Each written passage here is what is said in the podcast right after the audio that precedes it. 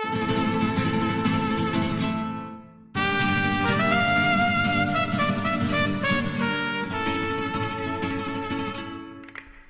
Madridistas, og velkommen inden for i vores virtuelle rammer her på madridista.dk podcast.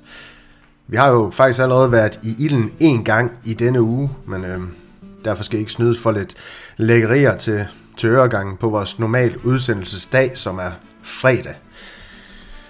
Vi udkom jo således uh, tidligere på ugen med, med den her særudsendelse om den her fuldstændig ja, afskyelige racisme, der hænger som den her tunge sky over spansk fodbold. Og, uh, det har den gjort i, i mange år efterhånden, og den anbefaler vi jo selvfølgelig I, I også for, for lytte til, hvis I ikke allerede har gjort det. Den kan I jo finde i jeres foretrukne podcast-apps. Men uh, det skal det ikke handle så meget om i dag, og så kan det jo godt være, at det kommer til at handle om det uh, alligevel, fordi vi skal jo snakke om den her Rayo-kamp, der, der hang det ikke som en tung sky, men... Uh, der blev det jo markeret på, på nogle forskellige måder. Det, det kan vi jo måske komme, komme lidt ind på. Det var i virkeligheden måske det mest interessante for, for netop den kamp. Men uh, mere om det senere. Dagens panel, de to jeg inviterer ind i dag, det er Malte Geil Bosen og Christian Hansen. Velkommen til jer begge to, drenge. Tak. Tusind tak. Og mit navn det er Daniel Andersen. Øhm, Malte, jeg skal lige høre dig. Hvad, hvad sidder du og laver nu, øh, udover at, og skal optage et podcast her til aften? jeg sidder til fodbold. Det er altid svaret. Uh, lige nu er det Brighton City, eftersom jeg ikke kan finde en stream til at se Real Madrid Femenino i uh, Copa del Rey semifinalen, eller Copa del Arena er det så. Men uh, sidst jeg tjekkede, så, så førte de 1-0. Nå for fan, jamen så kan det jo være, der kommer sølvtøj hjem til den spanske hovedstad for, for kvinderne også. Det kunne jo være uh, fuldstændig fremragende. Christian, føler du dig klar til at svare på en masse fremragende spørgsmål fra vores lyttere i dag? Det ved jeg ikke. Altså, Real Madrid har jo lige forsøgt at, at kede mig i søvn, så uh, jeg skal gøre mit bedste. Men, uh, men, men vi skal da lige uh, vækkes lidt her efter, efter en, uh, en ganske lang aftenkamp.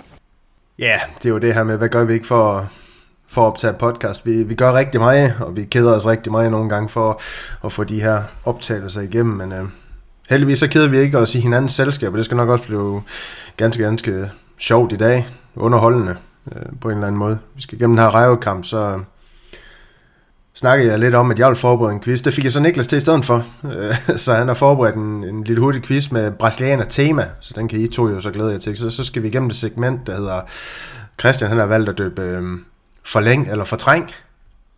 Så kan I jo tænke lidt over den, lytter inden vi, vi kommer dertil, og så skal vi igennem de her mange lytterindspark, vi har fået på Twitter og vores Facebook side matadist.dk podcast. Malte, du plejer at være ski god til lige at lave den her overflyvning over, hvad der, hvad der er sket i kampene, så hvad skete der, eller hvad skete der ikke på, på Santiago Bernabeu her mod Rayo Vallecano?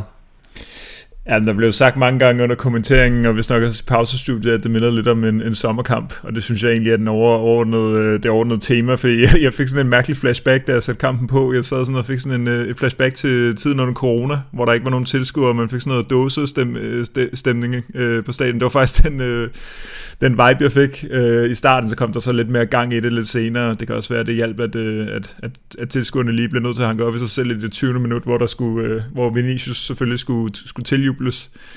Øhm, men det var jo altså overhovedet ikke nogen særlig interessant kamp, det her. Øh, det var et rejvehold, der ikke rigtig havde noget at spille for, et Real Madrid-hold, der... Altså et, et forholdsvis tom Banabeo også, altså mange øh, tomme pladser. Og så et Real Madrid-hold, der egentlig bare lige skulle sørge for at vinde den her kamp, og det gør vi jo så også. Øh, vi bliver sat. Vi, selvfølgelig har jeg lyst til at sige, bliver vi sat i gang af det her... Øh, altså det er, ikke bare, det er ikke bare et flydende, flot Real Madrid-spil, det er sådan en, en, en bold, der skal gives op øh, på midten af banen efter, jeg kan ikke engang huske hvorfor, og så... Øh, vi optager jo et øh, fem minutter efter kampen er slut lige nu, så øh, det, det kan man lige have en mente. Vi har ikke været inde og, og, og, og researche og, og, og læse alle mulige statistikker. Og jeg kan ikke helt huske, hvorfor det var der indirekte frispark på midten, men så bliver den sat i gang, og så lige et par hurtige kombinationer mellem Benzema og Valverde, og så er det 1-0. Og så ligner det jo så, at, øh, at vi helt til slut øh, skuffer for 1-1, øh, øh, hvilket heller ikke havde været, altså der, der var ikke rigtig den, den der tænding i den der kamp, men så Rodrigo, der ligesom var, var Real Madrids bedste spiller, og øh, var, var farligste mand, øh, og var den, der skabte mest, der var tæt, tættest på at komme til mest. Han får så afgjort det til sidst, og får sendt en, øh, en hilsen til, øh, Ja, eller, eller den der knyttede næve til protest mod, mod racisme, naturligvis. Øh, og sådan symbolisk op imod øh, ja, både himlen, men også mod Venetius, der sad øh, oppe i de højere salonger. Øh, som, øh, ja, vi kan, vi kan måske komme tilbage til, om det, om det er lidt et PR-stunt, at han lige bliver sat ved siden af Florentino Pettis der, så han kan sidde og sole sig. Øh, men, øh, men ja, trods alt godt. Altså, du sagde, Daniel, at det, det var lidt, at det, at det selvfølgelig kommer til at være et tema for den her kamp, og det var det jo, fordi øh, det var jo første gang, Real Madrid var på banen efter den der øh, frygtelige øh, racisme-sag mod Valencia. Øh, det er jo ikke den eneste gang, men det er jo så den eneste gang, hvor det blev blæst op og, og blevet så stort heldigvis, så der formentlig blev gjort noget. Øh, og på den måde var det også fint, at, at Real Madrid lige sejrede i den kamp. Ja, Christian, jeg ved ikke, om det endte med, at Cavaral han tog en skade med øh, fra den her kamp. Det lignede det i hvert fald. Men øh, hvad tog du der med for den her kamp mod øh, Rayo Vallecano?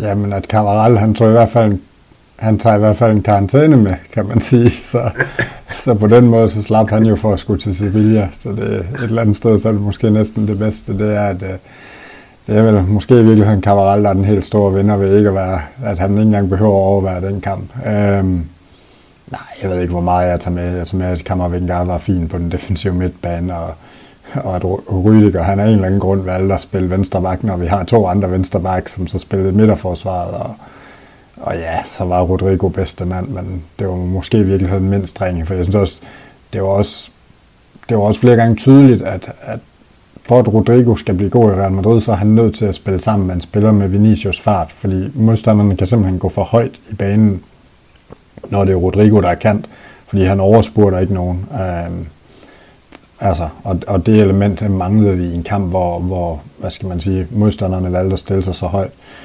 Øh, så synes jeg også, det er værd lige at bemærke, at vi har en øh, gennemsnitsalder på over 30. Øh, det synes jeg faktisk ikke er sådan helt vildt positivt. Og ellers, jamen, vi fik tre point, og der er ikke, der er ikke et menneske i verden, der vil huske den her kamp om to år. Jo, Malte. ja, det er vores bedste kamp på Venstrebakken. Det bliver en... Øh, det bliver ja, præcis. Så, det ville, sådan, det ville være helt fantastisk, hvis Niklas han husker at lave en quiz om den her kamp om to år, bare for at se, hvad vi kan huske. Fordi, ej, det var godt nok tamt. Øhm, og, og, og ja, jeg ved ikke. Ja, der er ikke så meget at sige. Jeg synes også, Frank Garcia, han understreger lidt, hvorfor han ikke... Øh, altså, det er jo ikke en mand, vi skal håbe på kommer og spiller venstre bak for os. Han gjorde det da helt fint, men, men det, det, altså, Alaba, Nacho, Rüdiger, Kammervenga og Mangdi er jo alle sammen bedre venstrebacks end Frank Garcia, så han skal hente sig, så skal han forhåbentlig skibes afsted for 5 millioner euro mere, end vi henter ham for, og så, så skal vi videre med noget seriøst, fordi han er jo ikke løsningen.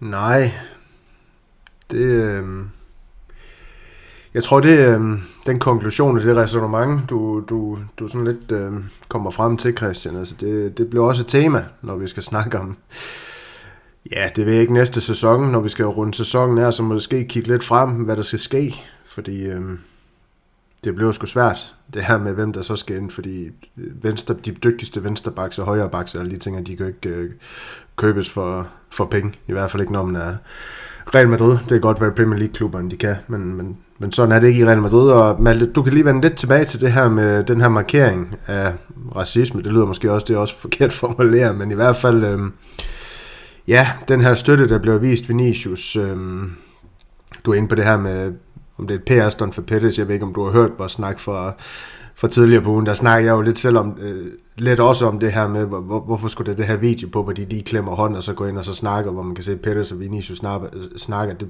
det er også sådan lidt PR-agtigt for mig, at det bliver lidt, lidt forflødet på en eller anden måde, hvor jeg synes, at sådan noget, det skal egentlig bare håndteres, uden der behøver at være kamera på. Øh, så, så fremstår det i hvert fald mere seriøst. Jeg, jeg ved ikke, om, om man kan trække de samme linjer ned over det her, men der var i hvert fald en masse ting. Der var den her tifo for tilskueren om, at øh, vi alle vini nok er nok, tror jeg, det, det kan oversættes til på, på dansk. Øh, bedte. jeg har måske håbet på lidt mere, jeg ved ikke hvorfor. Mere vil have mere med sådan nogle ting. Jeg er spillerne, der går ind på banen med, med nummer 20 på, på ryggen. Alle sammen i øvrigt inde på banen. Øh, ja, med nummer 20 på ryggen, det var også en, ja, en fin gestus. Så har La Liga valgt i deres feed, og så skifte det ukrainske flag ud med det her United Against Racism. Og det gælder så for alle kampe, ikke kun Real Madrid's kampe heldigvis. Øh, så, så ja, der, der var jo en masse, masse ting. Øh, masse markeringer i, i den her kamp mod, øh, mod racismen. Ja, men det var der jo. Øhm, jeg har også lidt svært, altså det, det kan godt være, det, altså det er jo et PR-stunt, selvfølgelig er det det, at Florentino Pettis sidder deroppe, men jeg vil også sige, jeg vil også lade, lade det komme tvivlen til gode egentlig, fordi altså det, det er meget fint, at Vinicius sidder deroppe, og man kan se, at han sidder og snakker med Pettis, og det er heller ikke, fordi han er blevet placeret ved sådan en mand, han slet ikke ved, hvordan han skal snakke med, vel? Altså det virker som om, at de trods alt har et forhold til hinanden, og han, han sidder i godt humør og smiler, og sådan, så på den måde er det fint nok.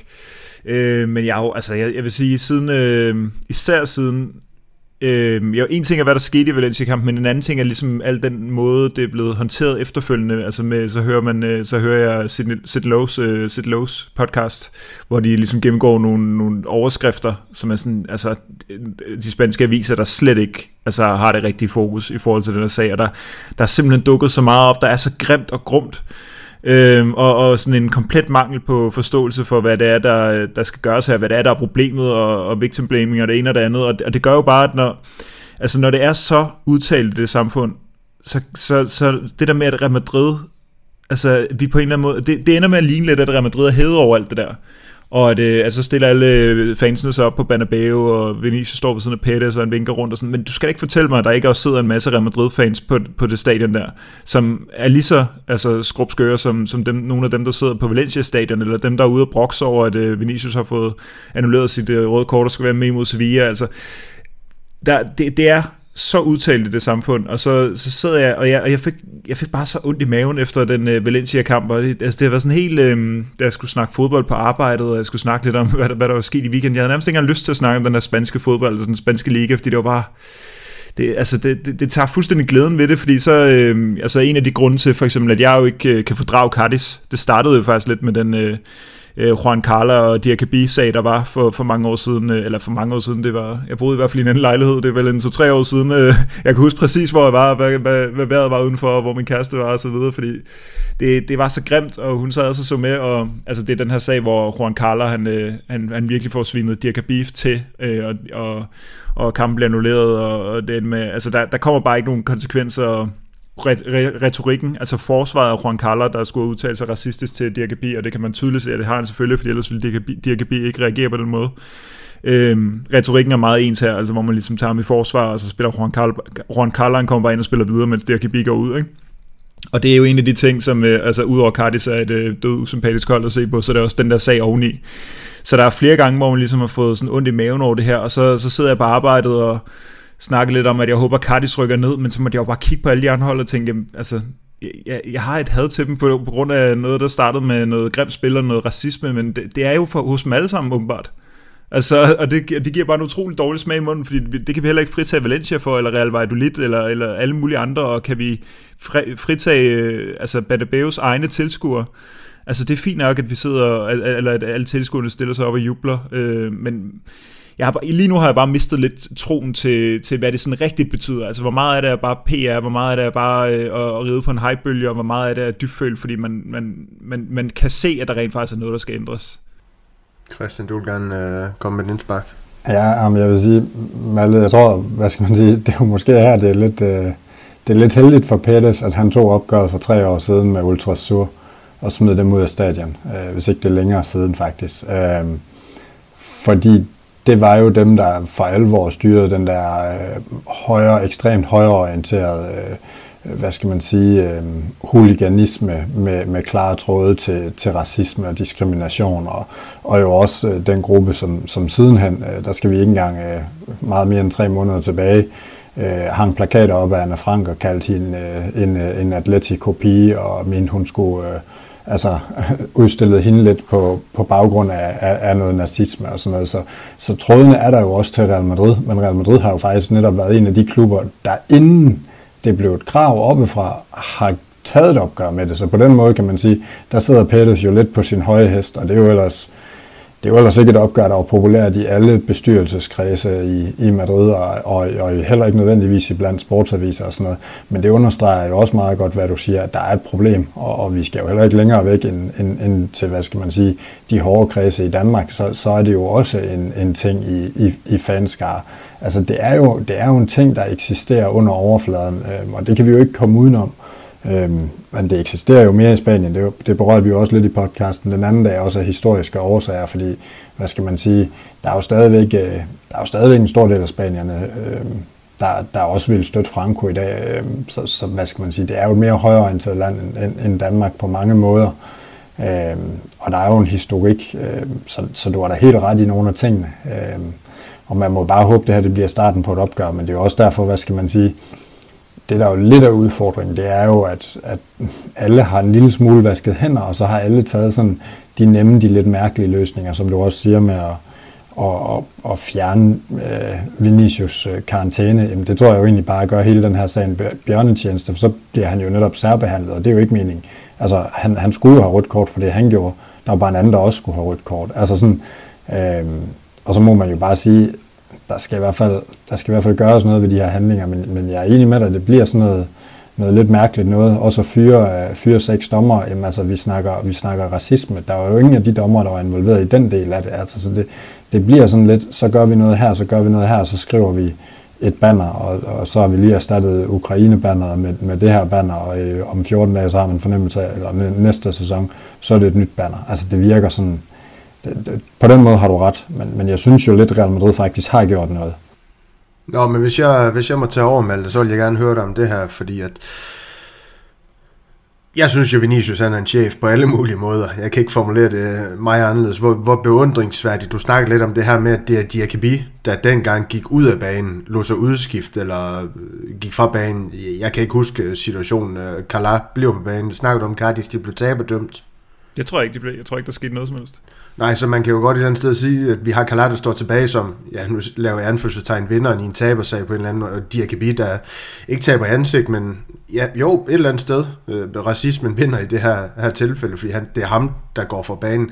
Jeg tænker bare, ikke at Vinicius han bliver på banen i, i eller det gjorde han jo så ikke, fordi han fik rødt kort til sidst, men jo, han bliver jo stadig på banen og alle de ting her, men den kamp, han så tager uden for banen, den her talsperson, han jo en, en, et eller andet sted ved at blive i, i kampen mod racisme som 22-årig. Altså, hvad, hvad fortæller det om den her knægt?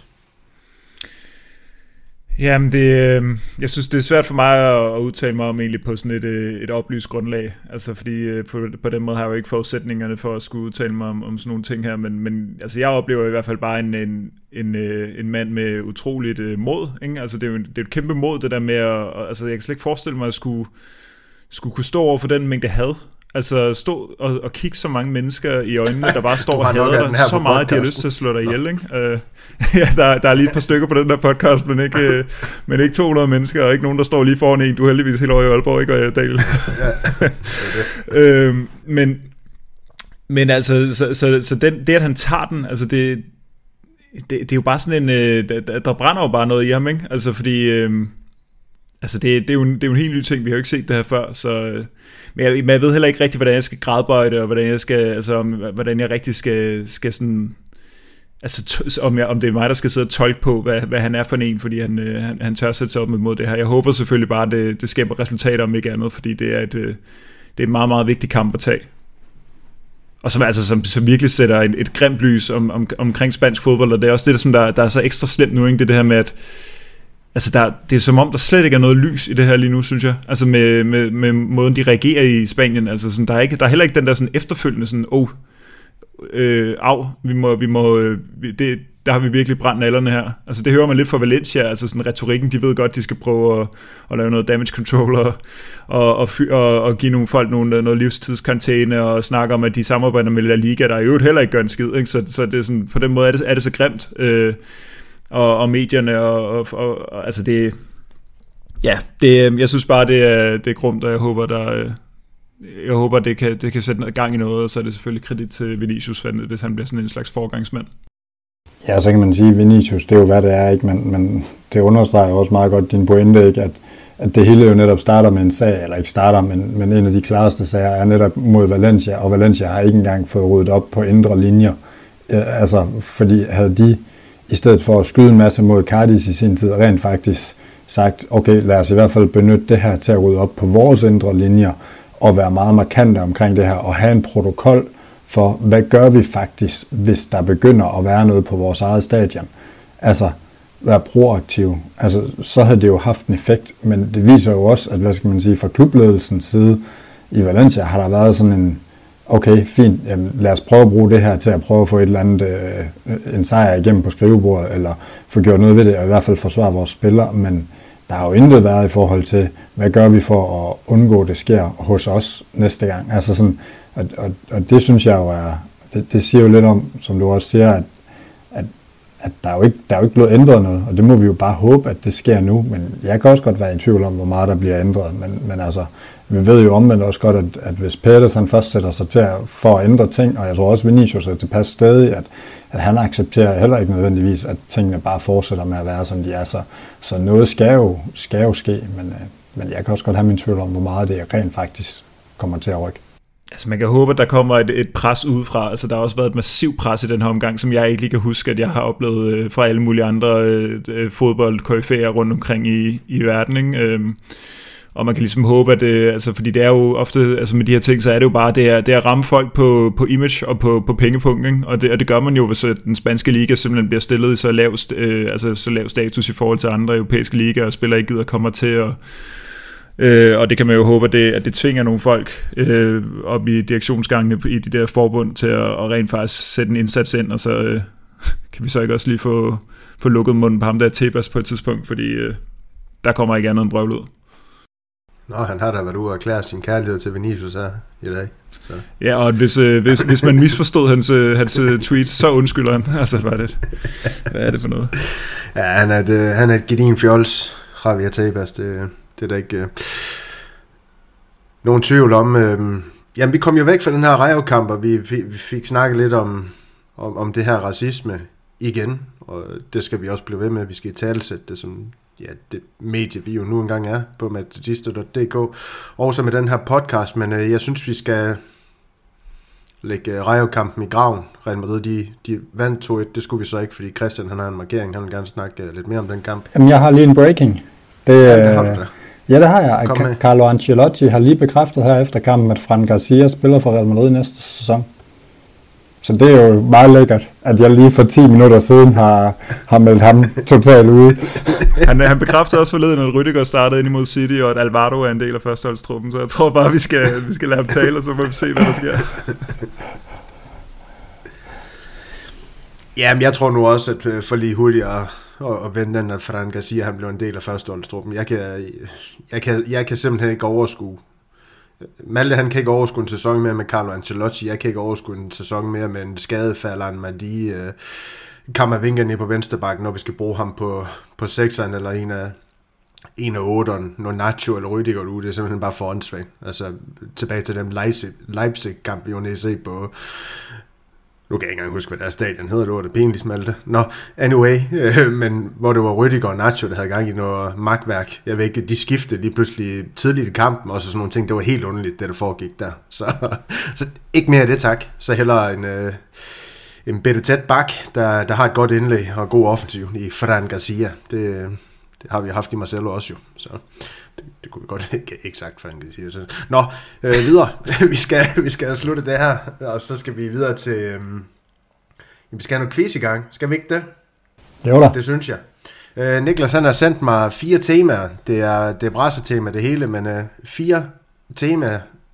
Nu skal jeg lige se. Christian, du får lov til at vælge mellem de fire temaer først. Så tema 1, 2 eller 3 eller 4. Hvad for en... Øh, Ja, jeg ved godt, det lyder fjollet, Malte. Tre. Hvad for et af dem tager du? Skal jeg bare Tre? sige tal eller noget? Sagde du ikke? Tema 3. Sagde du ikke Christian? Fuldstændig fantastisk. Hvad? Sagde du ikke Christian? Jo, jeg sagde Christian. Ja, godt. Yes. Det her, det er så... Ja, den går lidt ud over os til. Nå, nævn de fem nationaliteter for uden Spanien, der har opnået flest kampe for Real Madrid. Du har seks gæt, så du har plads til én fejl. Brasilien. Yep. Sjovt nok. ja, øh, udover Spanien. Øh, Frankrig må også være på listen. Ja. Jeg har jo nærmest ikke haft andet. Så tænker jeg, øh, bum, bum, bum, bum, bum. Skal vi have en portugiser på os? Ja, du Portugal. Portugal. Det er, kor- det er korrekt. Så har du, ja, så har du tre af de fem. Argentina. Så har du fire af de fem. Ja, men nu bliver det, det var også, det var dem, jeg kunne. Øh, så har du to gæt til ja, men vi har jo haft nogle tyskere alligevel med både Kroos og Schuster og, og så videre, så, så jeg prøver at, prøver at tage Tyskland også. Du vælger at udlade Metz, eller hvordan ja, speciel grund til det? Ham, ham nævner vi ikke. okay. Tyskland, det er fuldstændig korrekt. så du, du går 5 for 5. Du behøver ikke uh, 6 skat. Det, jamen, jeg synes, det er fuldstændig fremragende. Rækkefølgen, det er øvet uh, Brasilien, Frankrig, Argentina, Tyskland og Portugal. Og det var lige mig med rækkefølgen, men det er bare for at sige, ja, Brasilien med, med flest kampe. Altså, for Real Madrid. Hvad så Malte? Så er der pres på. Yes. Malte, tema 1, 2 eller 4? Jeg tager nummer 2. Nummer 2. Det er Brasser. Nævn de fem mest scorende brasilianer i Real Madrids historie. Yeah. Rækkefølgen er ligegyldig. Øhm, Ronaldo Nazario er på. Og... Ja, det var han. Ja. Vinicius er på. Det er han. Og Roberto Carlos er på. Ja, jeg, jeg kan lige sige, Malte, inden du, du hopper videre, at Ronaldo han var nummer 1, Carlos nummer 2 med 70 mål. Ronaldo han havde 100, eller ja, har 103, Vinicius har 59. Okay. Spændende. Det ved jeg nu ikke, men... Tror jeg prøver at sige Rodrigo også. Det var forkert. Det var fuldstændig forkert. Så øh, han, han, han gav ikke, han gav ikke øh, seks skat her. Det var åbenbart, du skulle ramme den lige på, og det var også en øh, modbydelig svær opgave. Det vil jeg gerne øh, vedkende her. Men de to sidste, de to, du skulle have fat i, jeg ved ikke, hvorfor I har det med at altid vil undgå Marcelo på den podcast der. Men øh, Marcelo var nummer 4 med, eller er nummer 4, undskyld, med 38 mål, og så har vi øh, også en af de unævnlige, Robinho, som jeg så ja, lige ja, med, Robinho, det var ham, jeg endte med at, at gå bort fra. Ja, det var også uh, taktisk uh, klogt nok, men uh, 1-0 til, til Christian i uh, ugens, skråstrej, dagens uh, quiz, og lad os så hoppe videre til um, næste segment, som vi har på dagsordenen, den her forlæng eller fortræng, og Malte, det var dig, der fik den her ja, fuldstændig geniale idé, og måske i virkeligheden i mangel af bedre materiale i den her del af sæsonen for, som Real Madrid-fan, øhm, at vi kunne vende de her syv spillere med kontraktudløb for Real Madrid. Jeg ved ikke, om det blev det længste segment i, i podcastens historie, men altså, vi skal forsøge at kaste os ud i det her med at, hvad kan man sige, uh, rangere dem fra 1 til 5 i forhold til, om vi vil have, at de, eller vil have, at klubben forlænger med dem, eller at de bliver skyllet ud med, med badevandet, altså fortrængt. Et, det er selv sagt laveste karakter, og fem, det er højeste. Jeg håber, det er sådan, du har tænkt det i hvert fald. Ja, det er det. yes. Skal vi, øhm, skal vi ikke øh, bare lægge ud med, øhm, med din, øh, din favoritspiller, Malte? Så får du lov til at, at tage ham til at starte med. Så kan Christian jo byde ind med, med hvad han har at sige der. Jamen... Øh... Altså Luka Modric, ja, ja. hvis du er i tvivl. Nå, nej, det var jeg ikke. Jeg har givet uh, Modric en femmer, og så gider jeg ikke høre mere at snakke om det. Han skal, han skal blive i klubben, og øh, ej, jeg, jeg synes, øh, det, er også, det er også fordi, Modric, jeg har givet med femmer, fordi jeg tænker også, at, øh, at Modric, jeg forestiller mig, at han vil være indstillet på at godt kunne øh, trappe lidt ned, og ikke øh, se sig selv som en, øh, en, en, et absolut øh, første valg til, til midtbanen som, øh, som 38-årig og, og midt i en, øh, i en Champions League kvartfinale eller slutspillet i La Liga, så, så derfor synes jeg stadig godt, at vi kan, vi kan holde på Modric i en sæson mere. Er det rigtigt, Christian? Også en mindre øh, Kroatens form og alle de ting her, jeg ved godt, det, det, alt tyder jo på, at Real Madrid de forlænger på, om det er jo det, politikken går på, men det er bare lige for at få et indspark for en lytter allerede nu, som jeg ikke synes, vi skal have med, fordi så meget kød er det heller ikke på den. Det er CK ind på Twitter, der, der, der, der sådan spørger, hvad der sker med Modric. Han virker pænt over, for jeg tænker ikke kun, at det er ud fra den her kamp mod uh, Rayo Vallecano, men måske generelt over... Uh, tager fejl, hvis jeg siger en måneds penge, eller halvanden, Ej, måske det er to. Meget rigtigt. Ja. Han er jo faldet med holdet. Øh, jeg synes, det kun det i kampen mod City, hvor man, hvor man for alvor kunne forvente mere. Vi ved jo, at, øh, at Modric han har de her perioder, og, øh, og, og, og det har Kroos for den sags skyld også, øh, og det er også derfor, vi har brug for noget ung blod på midtbanen, selv hvis de fortsætter, fordi vi har brug for mere rotation omkring dem. Øh, men, men jeg er enig med, med Malte. Der er jo ikke noget... Øh, altså, Modric skal man jo selvfølgelig forlænge med, hvis han vil fortsætte karrieren. Der, der er slet ikke noget... Og også fordi det handler også om at skabe en overgang. Altså, det er sådan lidt, lidt misforstået, måske lidt en football manager ting. Øh, lidt sådan set udefra, om så kan den ene bare smutte fra den anden, men vi hører jo ofte fra fra spillere, hvor meget de erfarne betyder. Vi har jo rigtig i høj grad hørt det fra Rodrigo, hvor meget Modric har betydet for ham. Øhm, så man lærer jo også af hinanden, og der tænker jeg jo stadig, at han har en masse at give, og, og niveauet er jo stadig til Madrid. Øhm, så, så jeg kan ikke se, hvorfor man ikke skulle forlænge. Jeg er også, jeg er også på en femmer. Jamen, det giver god mening. Øhm, og det gør det måske også med den næste, Christian Tone Kroos.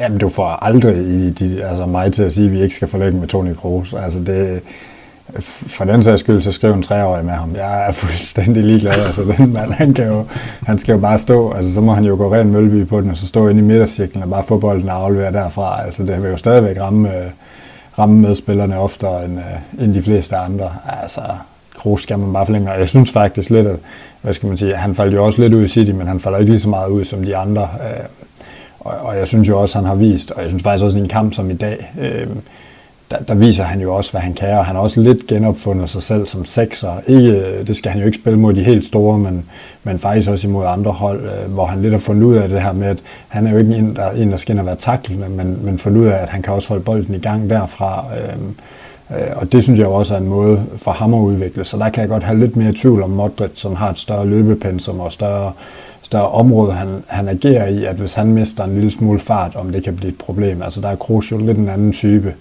øhm, og, og også et par år yngre, så, så for mig så er, er Kroos jo, jamen altså, ja, giv ham en 8 så passer det med, med trøjen. Jeg er fuldstændig, han skal bare blive. Malte øh, Modric han er jo favoritten, men, men tyskeren han er jo også øh, flødet inde på midtbanen. Det har han været i mange år for, for Real Madrid. Er det en 4 eller en 5 for dig? Eller er vi faktisk måske lavere? Nej, vi er, vi er på en klar femmer. Øh, jeg vil sige, Kroos han er den vigtigste af alle de syv spillere her, i forhold til at forlænge, fordi i modsætning til Modric, som jo faktisk godt, jeg godt kunne, jeg tror, jeg tror, jeg hælder mere til, at, at når Carlo Ancelotti, han, han taber småkanden på gulvet og spiller, vælger at spille med både Kroos og Modric i en udbanekamp imod City, hvor vi skal bankes løs på i 85 minutter, så det, så det øh, er primært uh, Modric. Eller så vil jeg faktisk hellere uh, have Modric ud, uh, fordi jeg synes, jeg synes stadig, Kroos han har klasse til at, at kunne betegnes som en, en starter for Real Madrid, og jeg synes, at denne sæson har været langt bedre end den sidste. Han spillede sidste år, han har noget øh, Cristiano Ronaldo over den måde, han har, han har genopfundet sig selv på, øhm, på sine øh, lidt ældre dage, hvor han har mistet noget fart, men til gengæld fået noget mere kropsstyrke. Øh, bare den her kamp mod Rayo, vi har spillet her til aften, der havde han øh, fem taklinger, Øhm, han havde faktisk også tre ud af fire vellykkede driblinger. jeg ved ikke, hvor ofte vi har set øh, Kroos med, med tre driblinger. Øh, 126 touches og 95 af 99 forsøg rammer, altså afleveringsmæssigt sine medspillere, så, øh, så Kroos han er, han er den mest klokkeklare femmer af dem, vi, har, vi skal snakke om her. Ja, så, øhm, så kan det være, Malte, at øh, den næste spiller, jeg har valgt, vi, vi skal give karakter, det, øh, også ender med at få fem. Karim Benzema. Ikke for mig. Øhm, ikke for dig? Nej, det er ikke en femmer for mig. Øhm, det er, jeg har faktisk valgt at give ham en træer, øh, i forhold til, hvor meget jeg gerne vil forlænge med Benzema. Og det er simpelthen noget at gøre med, i modsætning til Kroos og Modric for eksempel, så øh, hvis, hvis de to de øh, begynder at, at fejle, øh, eller at vi lige har brug for noget, øhm, øh, noget luftforandring på midten, jamen så kan man altid bare sætte en af de andre dygtige midtbanespillere, vi har ind, øh, og lige lade Modric hvile for eksempel. Når vi ikke har Benzema, så har vi, altså, så har vi ingen øh, nødplan. Øh, vi, vi, vi bruger højre kanter og venstre kanter og øh, forvirrede antiloper på, på den 9. position, og 18-årige gutter fra Castilla, når, når Benzema han ikke, øh, han ikke spiller. Så der, og, og, og ovenikøbet, så er det det her, man har, han har været så skadet i den her sæson, og øhm, det, det snyder helt vildt, det der med, hvor mange mål han egentlig har lavet, fordi ni af målene har han altså lavet på tre hat øh, et af dem var rigtig flot imod Barcelona, men så har han også lavet sådan nogle forholdsvis ligegyldige hat ikke? altså et mod øh, Valladolid, og vist nok også et mod Celta, og så har han scoret en 8, 8 mål eller sådan noget på Strafspark. Altså Benzema har haft en, øh, en ikke specielt god sæson, og jeg ender på en træer, fordi at jeg, jeg har også sagt det før, det, der skal tages en snak med ham. Altså er han der i næste sæson? Fordi vi kan jo ikke bare vente til, at han kommer i gang i januar, og så kommer han alligevel ikke rigtig i gang, og så lige pludselig scorer han hat og så er han lidt i gang igen, og så er han alligevel ikke i gang. Altså det, det er sådan set den sæson, vi lige har haft. Ikke? Han var der jo ikke øh, sådan rigtigt før efter VM. Jeg tror også, at Vinicius faktisk har scoret flere mål end ham, da vi gik til VM. så derfor ender på en 3 med Benzema, fordi at, øh, jeg er lidt usikker på øh, dels hans niveau, øh, men også hans øh, sådan fysiske forfatning, og, øh, og om Real Madrid har råd til at, at skulle altså sådan famle blinde efter øh, nødløsninger, hvis han ikke er klar. Kontroversielt, især fordi alt, der hedder politin og rygter om øh, en anden topangriber, det er 2024, øh, vi ser ind i der. Øh, Christian, øh, 30 mål, det er vel 30 mål? Nej, det, det har Malte jo fuldstændig ret i. Altså det, for det første, så, så har jeg jo altid haft den holdning, at, øh, at straffespark skal, skal faktisk ikke tælle på topscore-listen. jeg har lidt, altså, det er jo ikke, det er jo noget andet i, i, jamen, jeg synes ikke, altså jeg kan ikke se, hvorfor det skal tælle, at, at en spiller, han sparker straffespark. Altså, det, det synes jeg er, er egentlig åndssvagt, men det er en anden snak. Øh, men jeg synes jo, hvis vi trækker dem fra, så har han jo, øh, så har han jo kun tid. Og hvis vi trækker hat fra, altså prøv at gøre det med Cristiano Ronaldo på alle tiders topscore-liste, jeg vil ikke trække, så står han med 100 mål. Jeg vil ikke trække hat fra, jeg vil trække hans straffespark fra. Men altså, ja, Malte han vil trække hat fra. De, de, de, ja. øh, det, det, det gav et mudder. Han har jo ikke skåret nogen hat hvis vi tager straffesparkene fra. Præcis. så det synes jeg, og, og, og, hvad skal man sige, nogle af dem laver han da kun på en halvleg, så hvad skal vi bruge dem til? det, det blev gak og løjer. ja, ej, øh, men, men ah, jamen, det mener jeg fuldstændig. Jeg synes, det er så åndssvagt, at straffespark skal tælle for en topscorer. Altså, så det er sgu da bare synd for nummer to, der så har været mega meget bedre i løbet af sæsonen, men så ikke får lov at sparke straffespark, fordi han spiller med en eller anden. At det, nå, men det er en anden sag. Øhm, jamen, jeg, jeg, jeg, synes jo det samme, men jeg synes jo lidt, hvad skal man sige, i virkeligheden, så, så er han jo også en femmer. Altså problemet er jo mere Real Madrids holdning til det der med, at så længe vi har Benzema, så har vi ikke brug for andre.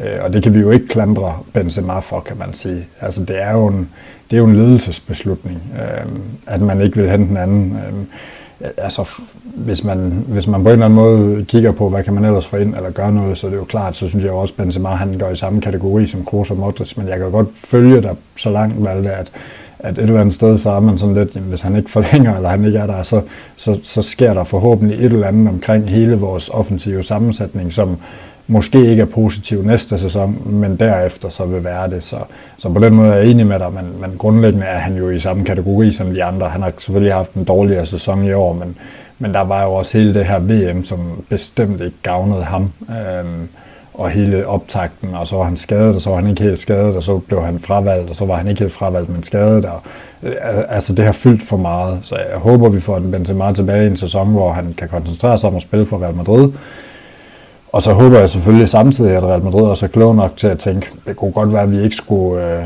satse på en til den tid 36-årig spiller, øh, eller det bliver han i december, øh, som har haft mere end en sæson, der ikke har været på toppen.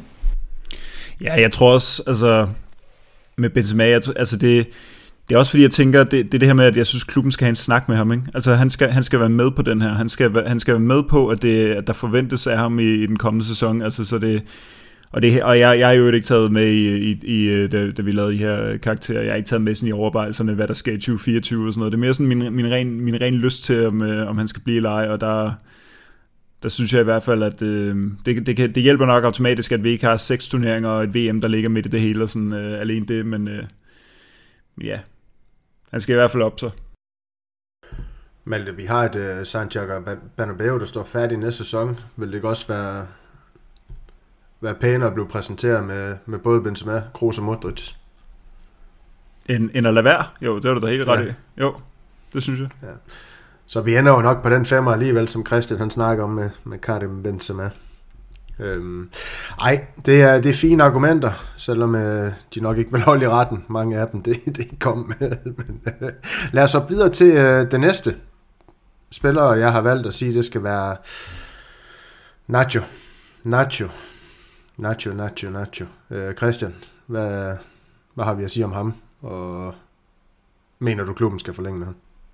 Ja, det mener jeg. Jeg synes, han er en fire, fordi han også kan gå ind og tage den her rolle som fjerdeleder. Han har jo faktisk spillet for Bausen mange kampe. Han var jo den på et tidspunkt i den her sæson, der spillede flest kampe i træk, hvilket jo også vidner lidt om hans vigtighed. Så han har jo faktisk, på trods af, at man ikke synes, han skulle have en rolle, og med Rydiger skulle han have en mindre rolle og alt muligt, formået at få en, ja, om noget endnu større rolle end tidligere. Så, så det synes jeg da helt bestemt. Altså også fordi der er jo ikke noget bøvl med Nacho. Altså, så hvis han vil fortsætte at gøre Madrid, så er der selvfølgelig en plads til ham.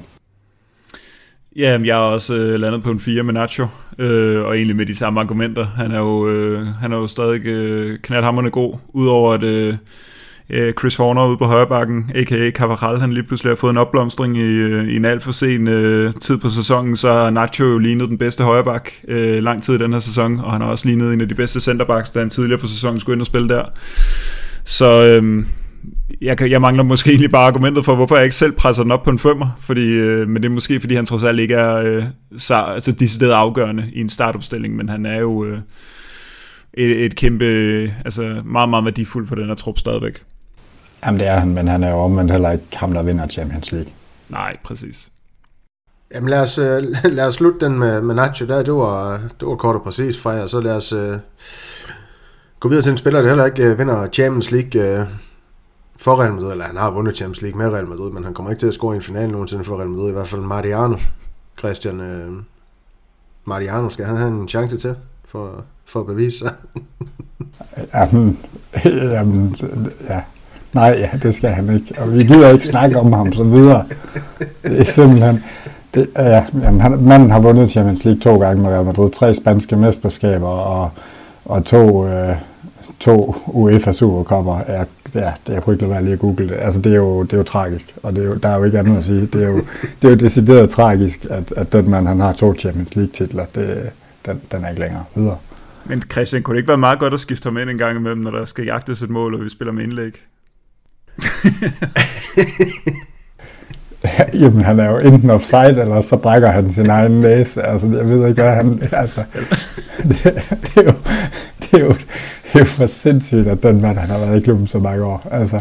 Han har simpelthen haft en fodboldkarriere, uden nogensinde rigtig at spille fodbold.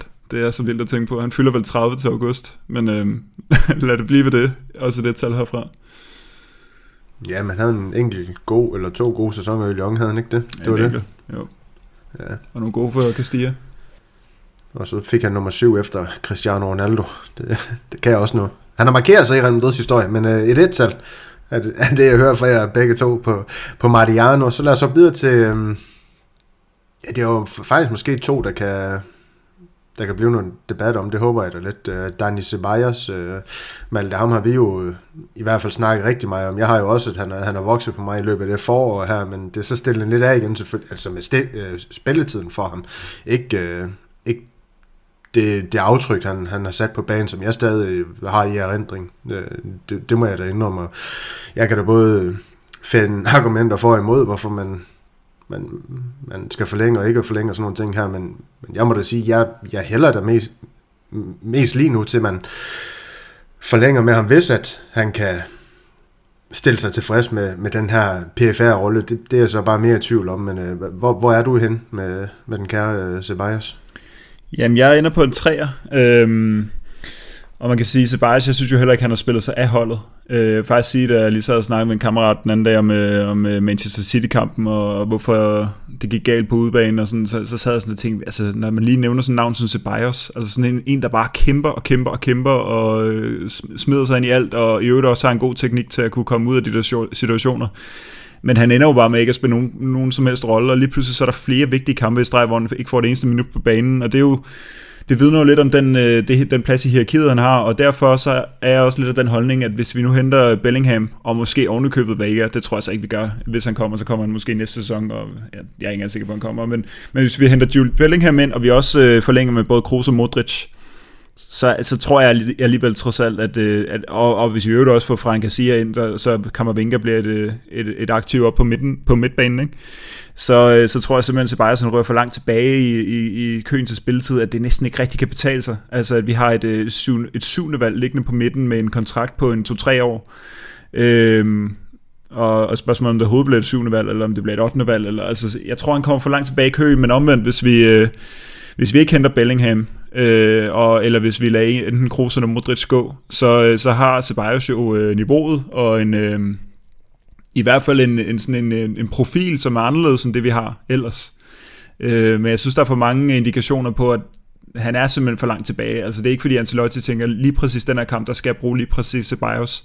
Der var måske lige en enkelt kamp, øh, ja, nu kan jeg ikke huske, hvem vi tabte til, men vi spillede virkelig en rar kamp, hvor var det Girona eller sådan noget, vi tabte til, og så øh, kampen efter, så startede han med, med i, en, øh, i en kamp mod Athletic Klub, øh, med, med en masse unge øh, øh, kampivrige spillere, ikke? og der var Sebastian ligesom en af dem. Altså han er sådan et, et symbol på sådan kampiver og, og, og sådan dynamik, ikke? men... Øh, men, men resten af sæsonen, altså 99% af sæsonen, der tror jeg bare, at han automatisk vil ryge ned som, øh, altså langt ned i hierarkiet og kunne komme ind og spille, når der er nogen, der skal spares, eller der er nogen, der er skadet og sådan noget. Så derfor så ender jeg på en 3'er, fordi jeg er, jeg er lidt usikker på, øh, hvordan det der midtbanepuslespil eller skal gå op.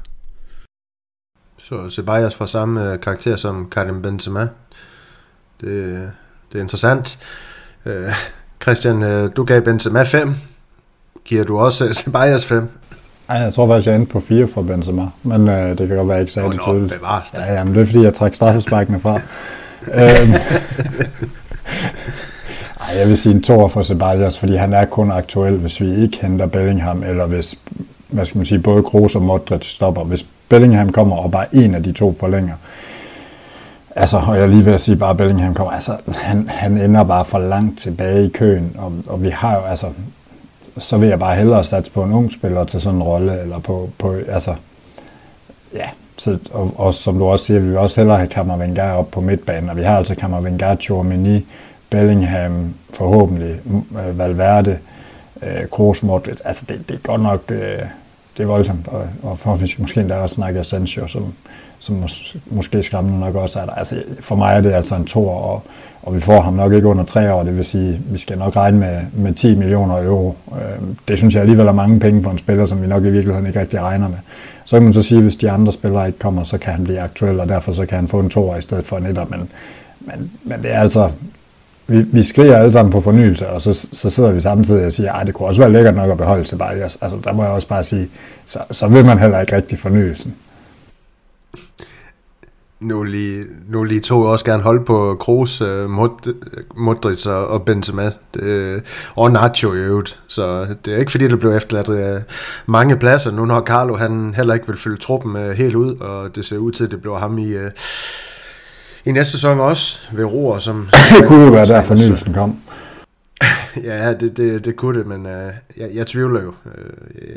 Jeg skal i hvert fald se det, før, før jeg tror på det, det må jeg sige. Øhm, men... øh, Nok om det, og ikke nok om Asensio, ham skal vi også snakke lidt om. Mester Lever på steg, Malte. Øh, du er jo helt vild med ham. Øh, han, skal vel, øh, han skal vel blive. Øh, jeg er ikke helt vild med ham, men jeg kan sgu, jeg kan sgu meget godt lide Asensio. Jeg, jeg er inde på et 4 for Asensio. Øh, jeg synes jo, at øh, han, øh, han, ligger, han, han er lidt offer for, for øh, en, en kritik, der ikke helt står til måls med, eller som er lidt for ja, lidt for meget i forhold til, hvad, det er, hvad han egentlig er for en, en, en type, og, og hvad han egentlig skal. Altså, fordi jeg synes jo, at Sancho han er garant for mål, og så ved jeg godt, kritikerne de vil så fremhæve alle de ligegyldige mål, han har scoret, men altså, så, og så vil man selv bagefter sidde og eftertjekke, og så er det ikke været helt så ligegyldigt alligevel. Ikke? Øhm, jeg det synes, han... Øh, mål. Heller ikke altid. Ja, de tæller jo ikke, så det er jo lige meget. øh, men han... Øh, han, han, ja, han er garant for, øh, for mål og assist i løbet af en sæson. Han har noget slutprodukt. Det synes jeg er øh, værd at have med. Alene det. Altså, at, at han simpelthen bare altid er garant for det. Og det, jeg, jeg hører ikke til en af dem, der tænker, at, øh, at hvis han forlænger kontrakten, så bliver han fuldstændig ligegyldig de næste to-tre år. Jeg tror, jeg synes altid, at Sancho han har været sådan en... Altså, han er altid gerne ville blive en rigtig god spiller. Altså det, det lyder lidt sjovt, ikke? men det er, sådan, det sådan en som Isco, der havde ikke den samme øh, vibe overhovedet for ham for eksempel. Altså der, der, der, der tror jeg, at Asensio er mere sådan ja, ambitiøs, og øhm, altså også det går hurtigt det her med, at, øh, at, at han har fået sådan det der ryg for, at, at så bliver han bare lev på steg igen, efter han forlænger med en kontrakt. Altså han havde forlænget sin kontrakt, han havde en lang, lang skadesperiode, ikke? så kommer han tilbage i slutningen af det der øh, coronamesterskab, vi havde. Så havde vi lige en enkelt sæson mere, hvor han øh, lå og kæmpede med Rodrigo, og nu er vi så ind på, at han bare lev på steg. Altså det er, sådan, det, det er gået meget hurtigt, det der øh, omdømme, han har fået, synes jeg. Og jeg synes... Øh, Jamen, jeg, jeg synes også, det er svært at finde ud af, hvad vi så skal, hvad vi så skal erstatte ham med. Altså, hvis han ikke skal være der. Øh, så skal Valverde op på højre kant igen, eller er det Rodrigo, du skal ligge og spille over? Altså, vi har jo ikke rigtig udsigt til at have nogen ind, og så siger man, skal vi rykke Arribas op? Og, og det, det er jeg ikke sikker på, at øh, det bliver Ancelottis løsning. Jeg tror, han har mange andre løsninger. Jeg tror hellere, at vil se Lukas Vaske spille den højre kant, end han vil se øh, uh, Arribas spille derude, så Så jeg synes, Asensio, hvis han øh, kan stille sig til, eller hvis han kan stille sig tilfreds med, med, et, øh, med den rolle, han har nu, øhm, og han ikke skal have en øh, 4-5-årig kontrakt, jamen så, øh, så vil jeg gerne forlænge med ham.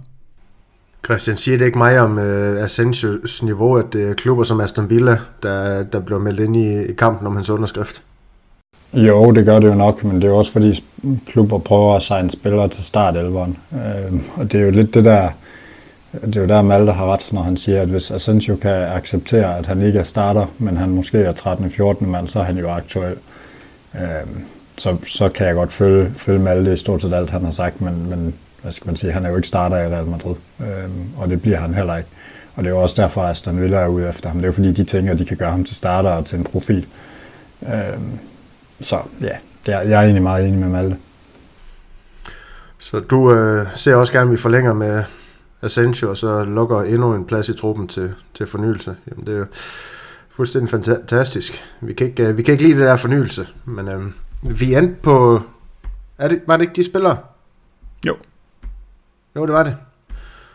Så det er egentlig bare, jeg tror egentlig også, vi har haft snakken sådan lidt løst før, men Mariano og Ceballos, vi mener på en eller anden måde, skal, skal ud af klubben, hvor de, de fem andre skal forlænges med. Men det åbner også for, for to pladser, som, ja, jeg ved ikke, hvad man gør der, om det er Brahim Diaz og så Fran Garcia, der får dem i stedet for. Og der er jo to det, pladser i forvejen i øvrigt, altså i, i truppen. Der det er jo dem, der ikke...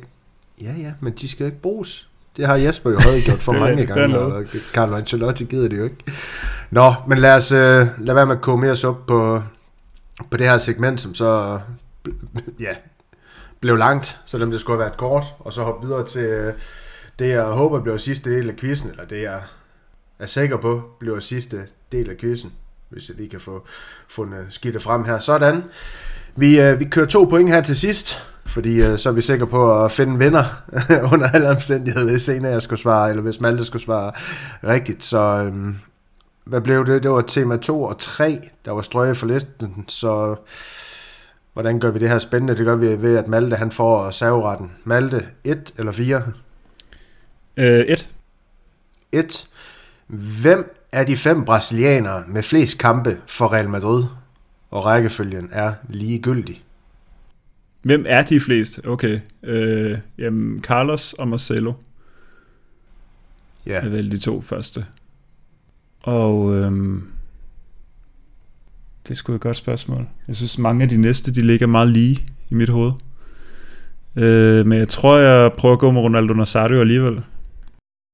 Ja, Marcelo var et, Carlos to, du skal ikke nævne den rækkefølge, nu, nu nævner jeg det bare, og Ronaldo Nazario er nummer 5 på listen. Okay, det kan jeg sgu ikke få til at give mening. Øh, Vinicius, siger jeg, fordi han spiller så mange kampe per sæson. Vinicius, for, Vinicius, for det ikke skal være løgn, han er nummer 4 på listen. Jamen, så mangler jeg jo en eller anden... Øh... I skal bare vide, lytter, at Daniel han kunne have klippet cirka en halv time ud af det her segment. Men nu klipper han dit rigtige svar for tidligere ind, Christian, så det kan du ikke uh, bruge for meget øhm, Jamen, øh, så, øh, så, så går jeg med...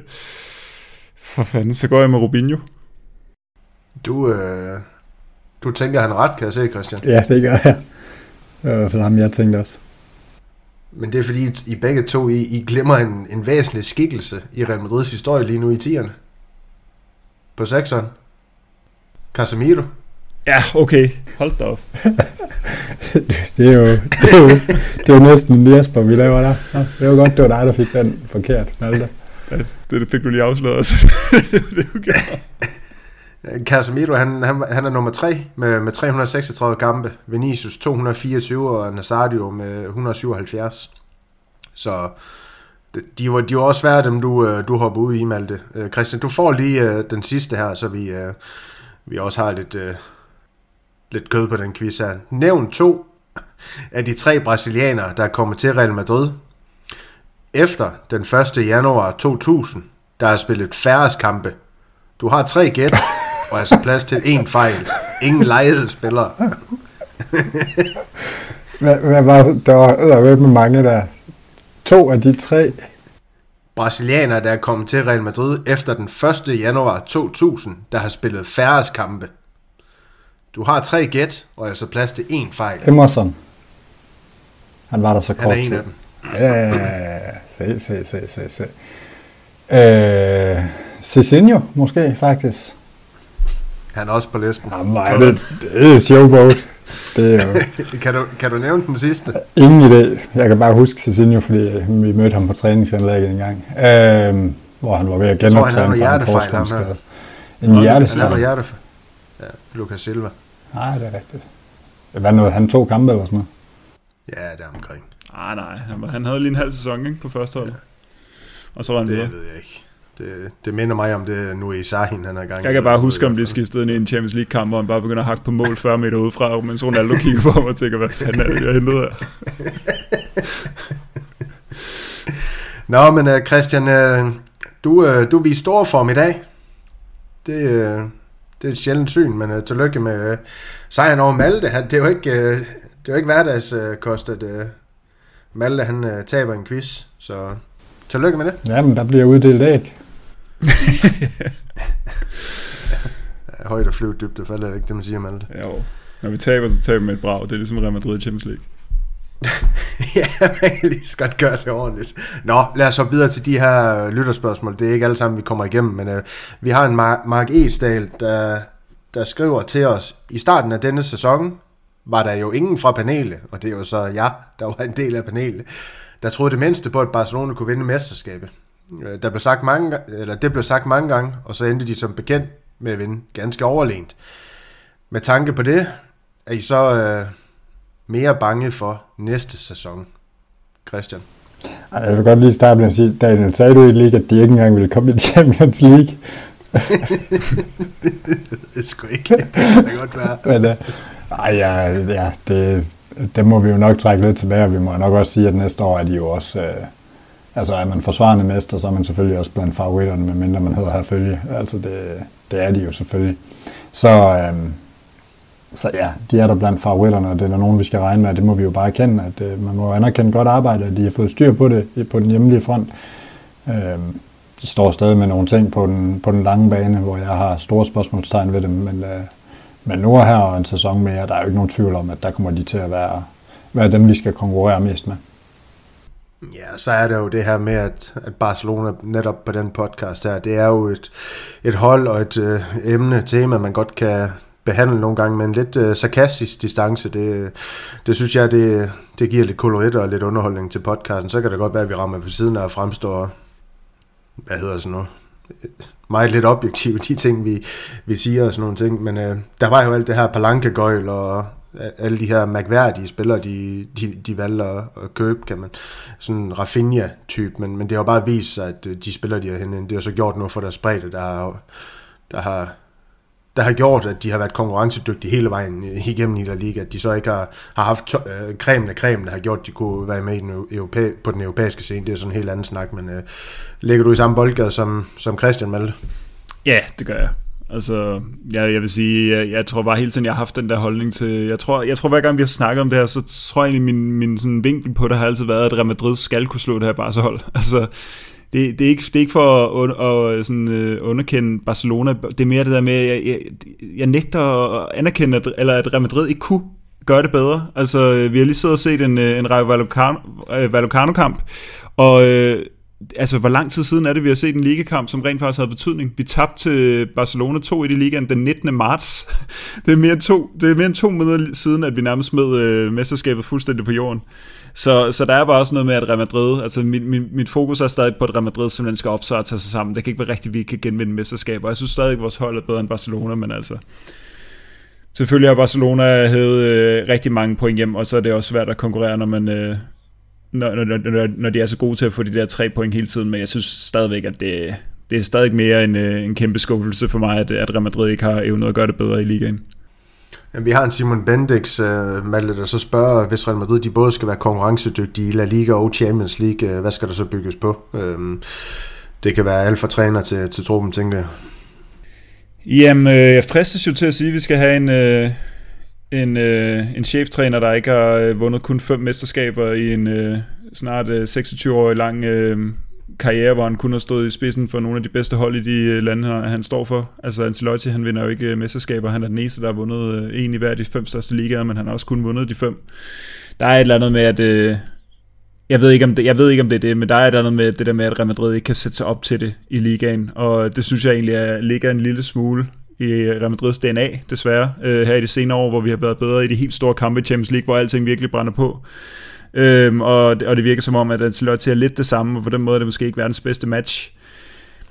Jeg ved simpelthen ikke, hvad der skal til. Altså, det er nok en god start, at vi ikke skal bruge øh, centrale midtbanespillere på højre kanter, og centrale midtbanespillere på venstre bakker, og centerbakker på venstre bakker, og centerbakker på højre bakker, og at øh, Cavaral, vores øh, bedste højre bakker, han først topper i, i maj. Øhm, så øh, altså, det kan godt være, at det hjælper med noget bredde, øh, simpelthen. Men øh, nu må vi også se, hvor, hvor langt Ancelotti har tænkt sig at gå ud i bredden. Øh, man kan sige, at der har været mange... Altså, at Benzema slet ikke har været der i år, har jo også været fortalt for Real Madrid, for eksempel. Og der har vi jo heller ikke bredden til at erstatte ham rigtigt. Øh, så kan vi bruge ham, når han er, når han er halvklar og så videre, men det, det, det nytter jo heller ikke rigtig noget, så... Så hvis Ancelotti bliver, så kunne jeg rigtig godt tænke mig at se, hvad, hvad han får, får ud af det øh, her i en tredje sæson. Det har vi jo ikke prøvet før. Men også hvad han får ud af det, hvis han, øh, han får en rigtig angriber, som han tør bruge en gang imellem, i stedet for Mariano, som jo er fuldstændig ligegyldig. Og hvis han får nogle flere midtbanespillere ind, altså for eksempel en Jude Bellingham, ikke? Så, øh, ja, så et svar kunne måske være noget, noget mere bredde, øh, noget fornyelse. Og øh, gå bort fra at overbruge Kroos og Modric i, i alle de vigtige kampe, rent faktisk turde tage de der opgør, og så, og så bænke dem, også selvom de er klar.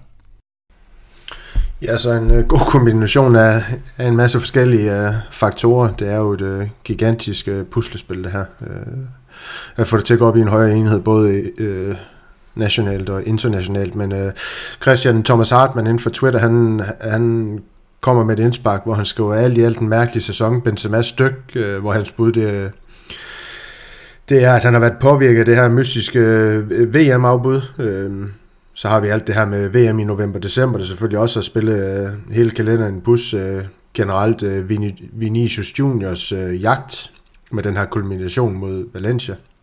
Er der mulighed for, Malte var jo måske lidt inde på det, er der en mulighed for, at Carlos tredje sæson bliver normaliseret med det, han kalder add-on, og vi ser en 2021-22 sæson igen.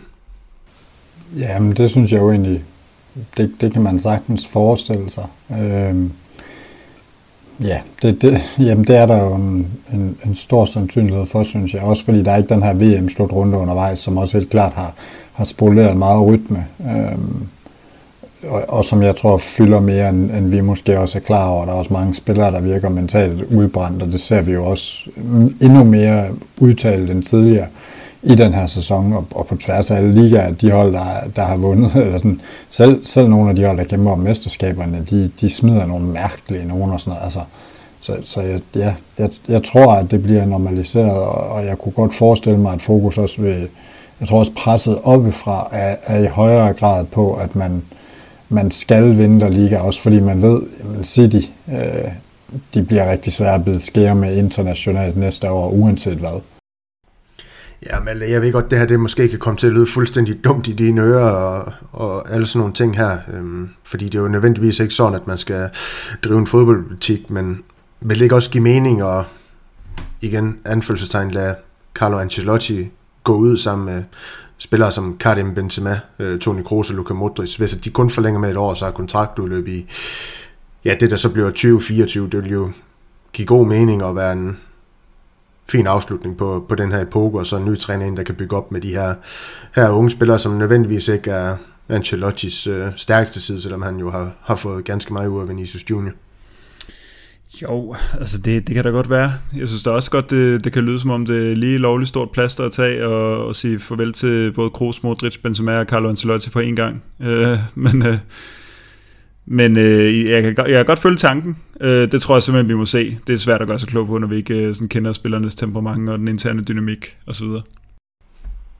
Jamen, så har vi en Kasper Jensen, Malte, der gerne vil have, at du kloger dig lidt på, hvem der, der kunne være et bud på Real Madrids øh, næste træner. Vi har jo vendtyper som øh, ja, Alonso, vi, Raul har, har været oppe og vende på podcasten. Jeg tror også, du har nævnt nogle tyskere, der ikke en Thomas Tuchel, der også har, har været nævnt. Han er jo så i, i Bayern og gør det fuldstændig fremragende lige nu. men, men, men, men, hvad hedder det? Øhm, ej. Øhm, har du... Øhm, er, er det noget, du har gået sådan og tænkt over det her, det her med, når man gerne vil have en ny træner for eksempel i, i Real Madrid? Det her med, at det, så vi snakker jo meget om det her med, jeg snakker meget om, hvorfor man skal stadig skal beholde Ancelotti, du snakker meget om øh, altså de her modsætninger mellem moderne, du, du mener godt, man kan finde øh, den moderne træner, der også har mandskabsbehandling. Altså er der, er der nogle sådan gode bud derude, du, du mener, der kunne, kunne varetage den her rolle i øh, Real Madrid? Jamen, altså jeg vil, jeg vil sige, at jeg har jo hele tiden bare troet, at det var Raul, der skulle blive kørt i stilling. Altså det var det, der var i gang med, når han bare blev ved med at blive hos det der Castilla-hold. Øh, men nu hvor Ancelotti bliver ved med at snakke om, at han bliver, øh, så, øh, så ved jeg det ikke. Altså, øh, fordi hvad hvis øh, Xabi Alonso lige pludselig gør det godt i, øh, i et år hos, øh, hos Leverkusen? Altså, henter man så ikke ham ind, eller... Jeg tror, jeg tror stadig, at Raul er sådan den naturlige afløser, øh, men det kræver lidt, at, øh, at han tager endnu et år hos Castilla, og hvis de ikke rykker op i den her sæson, jamen, så er det jo bare forfra, og det, det, det har jeg lidt svært ved at se, men jeg tror stadig, at Raul er mit, mit sådan mest realistiske bud, øh, fordi ellers så skal det jo være Zidane. Og øh, det er måske mere håb, at jeg nægter at tro på, at det er det, der skal til at ske, fordi det synes jeg ikke, at Real Madrid har brug for overhovedet, at øh, Zidane kommer ind lige præcis på det her tidspunkt i, i sådan klubbens øh, historie.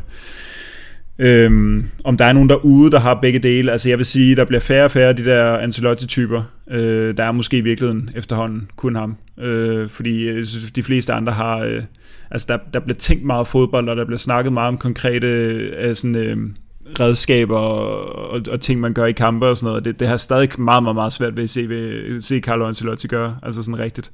Det er svært at se Carlo Ancelotti fodbold. Altså det, det, der er andre hold, der der er meget mindre hold også, der bliver ledet af cheftræner, der, der, der tænker meget mere fodbold, eller hvor, i hvert fald hvor man kan se det meget mere konkret på banen, så, så jeg tror måske, øh, det der med, med ren mandskabsbehandling, det er lidt en, øh, en uddøende race, og lidt lige meget hvad Real Madrid går ind i næste gang, hvis det, så længe det ikke er, er Zidane måske, så, så, så tror jeg, vi kommer til at få en, en, en mere sådan tænkende træner. Og så må det jo så vise sig, om, altså, hvem der kan, kan styre sådan et, et, et omklædningsrum som Real Madrid. Altså lige nu virker det jo ikke som om, det er noget specielt svært omklædningsrum at styre i forhold til tidligere, hvor der var klikker og stjernespillere, der ikke gad løbe og sådan noget, men til gengæld så er det, så er det et omklædningsrum, der selvfølgelig kræver en, øh, en cheftræner med, med respekt. Altså der kan man jo godt øh, tvivle på, at der kommer en, øh, en Jukkel Nagelsmann ind, der vil være den femte ældste, hvis man tog øh, spillerne med. Ikke? Altså jeg tænker både Benzema og Modric er ældre end ham. Altså om han kan, om han kan påberåbe sig respekt, efter især når det er gået galt i, i Bayern München, så ja, altså tiden må vise. Øh, jeg tror, vi bliver klogere på, hvad for en slags træner der kan være, altså der, der i fremtiden kan, kan styre det her Real Madrid-hold, når vi får noget, der ikke er Zidane og ikke er Ancelotti, men som, og, og hvor der bliver tænkt lidt mere øh, taktisk, øh, eller hvor vi i hvert fald kan se det lidt mere. Christian, øh, opfølgende spørgsmål til det her. Der render en, øh, portugiser rundt derude stadig, der vandt øh, Conf- øh, Conference League øh, sidste år med AS Roma, øh, som er i Europa League-finalen i år med AS Roma. Hvis han skal i Champions League-finalen næste år, så bliver det jo ikke, øh, eller i næste sæson, så bliver det jo nok ikke med AS Roma. Kunne han uh, være et emne i uh, Real Madrid? José Mourinho, han besidder vel begge dele? Det håber jeg ikke. Altså, jeg håber bare inderligt, at vi bryder, bryder den her øh, cirkel, vi er i gang med, med at det er, de, det er de samme trænere, der vender tilbage. Øh, ja, nej, jeg håber, der kommer til at være noget, noget frisk blod, men, men jeg kan da godt forstå tanken. Okay, sådan kan man også øh, halvsukke et spørgsmål. Christian, du får et nyt. Du får et nyt. Øhm, Anders J. Skovby, han kom med et indspark her. Har Valverde ikke spillet han skriver, har Valverde ikke spillet en, en hver gang alibi-fodbold de sidste 3-4 måneder? Næsten ingen afgørende øh, aktioner, afleverer bolden tilbage eller sidelæns 95% af tiden. Hvad er problemet, og hvad er løsningen? Og Malte, du kan eventuelt også byde ind på den her efter Christian. Jo, jeg tænker jo problemet, det er lidt stadigvæk er, at Valverde han ryger frem og tilbage mellem to positioner, og i dag spiller han en anden position. Øhm, så har han jo helt tydeligt ikke været helt i den form, og det er også ligesom om, at der hele den her sag, der var med det her, øh, det her øh, voldsnåde mod Banja og sådan noget efter, altså inden det var han jo faktisk lidt, lidt ved, at, ved at finde rytmen igen, efter der havde været problemer omkring hans barn, og så finder han lidt rytmen, og så kommer den her sag, og så, så har han ikke rigtig fundet sin rytme igen. Øhm, så jeg tænker, og, og så har der også været en VM-slutrunde undervejs, der heller ikke var en succes og sådan noget. Jeg tænker, ligesom med rigtig mange andre, så det er en rigtig god ting, at der snart er en sommerferie. Og, øh, og så kan vi forhåbentlig få en Valverde tilbage, der måske er lidt skarpere, og vi måske også lidt bedre kan hvile en gang imellem, og som forhåbentlig også øh, vi kan finde lidt mere skarp position til i konceptet. Det synes jeg jo egentlig, vi havde, men, men, men den forsvandt lidt, da Rodrigo blomstrede op, ironisk nok. Øh, fordi de jo lidt også på hver deres måde søger de samme rum, når de skal have succes. Øhm, men jeg er enig, han har ikke været, han har ikke været den Valverde, vi kendte øh, og, og, og elskede, og det, det håber jeg, at han vender tilbage til efter sommerferien. Ja, fordi han, han fik da en fremragende start på sæsonen, Malte. Ja, det gjorde når han var god i, i januar, eller var det februar i hvert fald, omkring øh, klub VM og sådan noget. Jeg synes jo også, det her med, at, øh, at det virker som om formdykket kom så bræt, øh, da, da der begyndte at komme den her sag med Alex Bania. Øhm, så, så, så tænker jeg også, det, det, det må have noget med det at gøre. Altså han, øh, han var nede i et, øh, i et, i et formdyk, da, da der var problemer med graviteten der, og nu så var der problemer, eller, og, så, og så røg han i formdyk efter den her sag, den, den, øh, den huserede i medierne, ikke? så det kunne godt tyde på, at, øh, at sådan en slags ting går om på, og lad os da bare håbe, at at han bare bruger for en, en pause hen over sommeren, og så er han klar igen næste sæson. Ja, noget de, øh, noget de vendte øh, under dagens kamp, øh, Andreas Laudrup og, og Fallesen, det var, jeg tror faktisk, det var Andreas Laudrup, der spurgte Fallesen om, hvem han så som Real Madrids øh, venstre bak af Kamavinga, og var det Falleren Mandi. Øh, det kan godt være, der var nogle andre med i, øh, med den her pulje, som der blev snakket om. Men øh, Fallesen, han peger altså på Kamavinga de næste 15 år, hvis at han kunne øh, blive overtalt til det. Men Jesper Carlsen, han, øh, han skriver til os med mulig tilgang af Bellingham og ham her i Vega, som du også har snakket om, øh, Malte, men som nok ikke kommer til Real Madrid nu, når man har alle de her midtbandspillere, øh, lige nu i hvert fald. Burde man så overveje at skole Kamavinga til permanent vensterbak? Det synes jeg ikke, af den grund, at uh, han, øh, han siger selv, at det har han ikke lyst til. Uh, og jeg tror heller ikke, at Real Madrid har lyst til at have en, en venstreback i 15 år, der som udgangspunkt ikke har lyst til at spille der. Og så kan det godt være, at Fallesen sidder og siger, jamen så har han en, så har han en fast job i de næste 15 år, men jeg tror, jeg tror han kan finde et andet sted at spille uden problemer, hvis, hvis han ikke har lyst til at spille venstreback. Og, uh, og det synes jeg egentlig også, at det virker som om, at Ancelotti han gang på gang siger, at jamen, det, er ikke, det er ikke en fremtidig løsning, det er mere en nødløsning, når vi mangler noget dernede. Så nej, jeg synes, vi skal investere i, i, en, i noget rigtig, i, i en rigtig bak, finde en rigtig venstre bak, og så lade Kammervinka, han, udfolde, han skal udfolde sig op på 8'eren, eller måske 6'eren. Ja, heldigvis har vi jo fundet ham, øh, som Christian han snakker om tidligere, for den siger, det bliver fuldstændig magisk, og skal have ham derude i næste sæson, ikke Christian?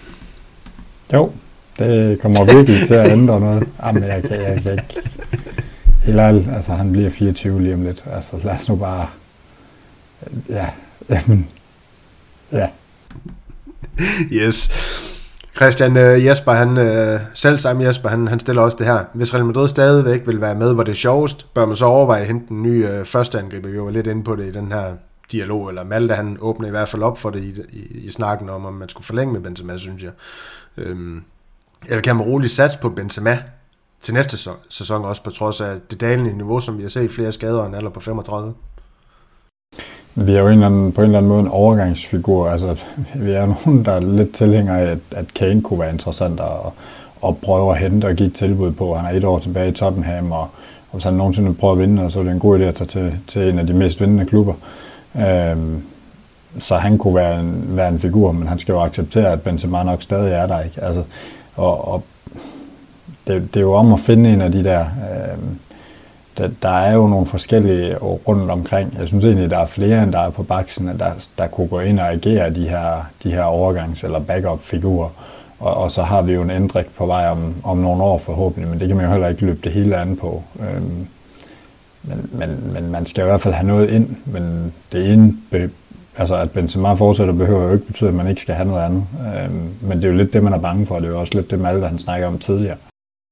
Malte Niklas, han har også øh, før nævnt Harry Kane. Jeg tror både, han har gjort det på podcasten, og han har også nævnt det i vores interne tråd en to-tre gange, hvis ikke, øh, hvis ikke mere. Er det, øh, er det en angriber, der også tiltaler dig i forhold til rollen i Real Madrid? Altså, jeg, jeg, kan godt, jeg kan godt se tanken om, at han kan noget af det samme som Benzema og sådan noget, men jeg, jeg tror jo... Jeg, jeg, jeg tvivler også på, at Pettis han bare lige går ud og henter en, øh, en 29-årig angriber nu, altså efter øh, Hazard og Bale for den der. Det, det, det synes jeg ligesom rygterne går på, at det, det er vi færdige med nu. Øhm, så heller ikke, der er særlig meget fremtid i det. Øh, jeg tror også, han er dyr. Øh, det er at, at snakke med Tottenham igen, og så tror jeg, altså det der med, han, han slår mig bare virkelig ikke som en Real Madrid-type. Jeg ved ikke helt, jeg tror ikke rigtig, jeg kan, kan forklare det, men øh, fodboldmæssigt, ja, så passer han meget godt ind, men jeg tror ikke sådan hele hans øh, karakter, hele hans øh, spillertype, den, eller hans, sådan, hans gemyt, nødvendigvis passer ind i Real Madrid. Øh, så tror jeg hellere, jeg vil prøve med noget lidt yngre og, og noget lidt nyere. Ja, fordi vi vil jo gerne have fornyelse. Vi kan jo ikke øh, finde ulemper ved, ved alle emner, kan man sige. Vi er også nødt til at tænke på, hvad de eventuelt kan, kan bibringe Real Madrid. Jeg ved ikke om 29 år, det er, det er gammelt i international fodbold. Det er det måske som angriber, men fire gode år i Hurricane, det kunne også øh, gøre et ændring. Han var, han var klar derefter for eksempel. Men øh, Rasmus Frederik Mathisen, han, øh, han skrev til os, hvem synes I Real Madrid skal købe ud over Jude Bellingham til sommer? Vi kommer til at nok dykke mere detaljeret ned i det her på et eller andet tidspunkt, fordi at det, det kræver en, en del mere forberedelse end bare lige de 40 minutter, I, I, fik inden det her til at, til at skimme igennem de, de spørgsmål, hvor vi så kommer med, med nogle seriøse bud på, på emner, men han skal jo måske en angriber for, eller, eller forsvarsspiller, øhm, og så kommer jeg ind på det her med Mbappé og Haaland i 24, men den del synes jeg, vi skal parkere, Malte. Vi har jo nogle, vi har nogle huller, ikke nogle huller, jo, jo vi har nogle spillere, der forlader os. Vi er sikre på Mariano og, og Ceballos, øh, eller ikke sikre på, vi er sikre på Mariano, han smutter, vi regner med Ceballos, det er i hvert fald to pladser, så har vi de der to ekstra i truppen, det er fire, vil man have dem fyldt ud med.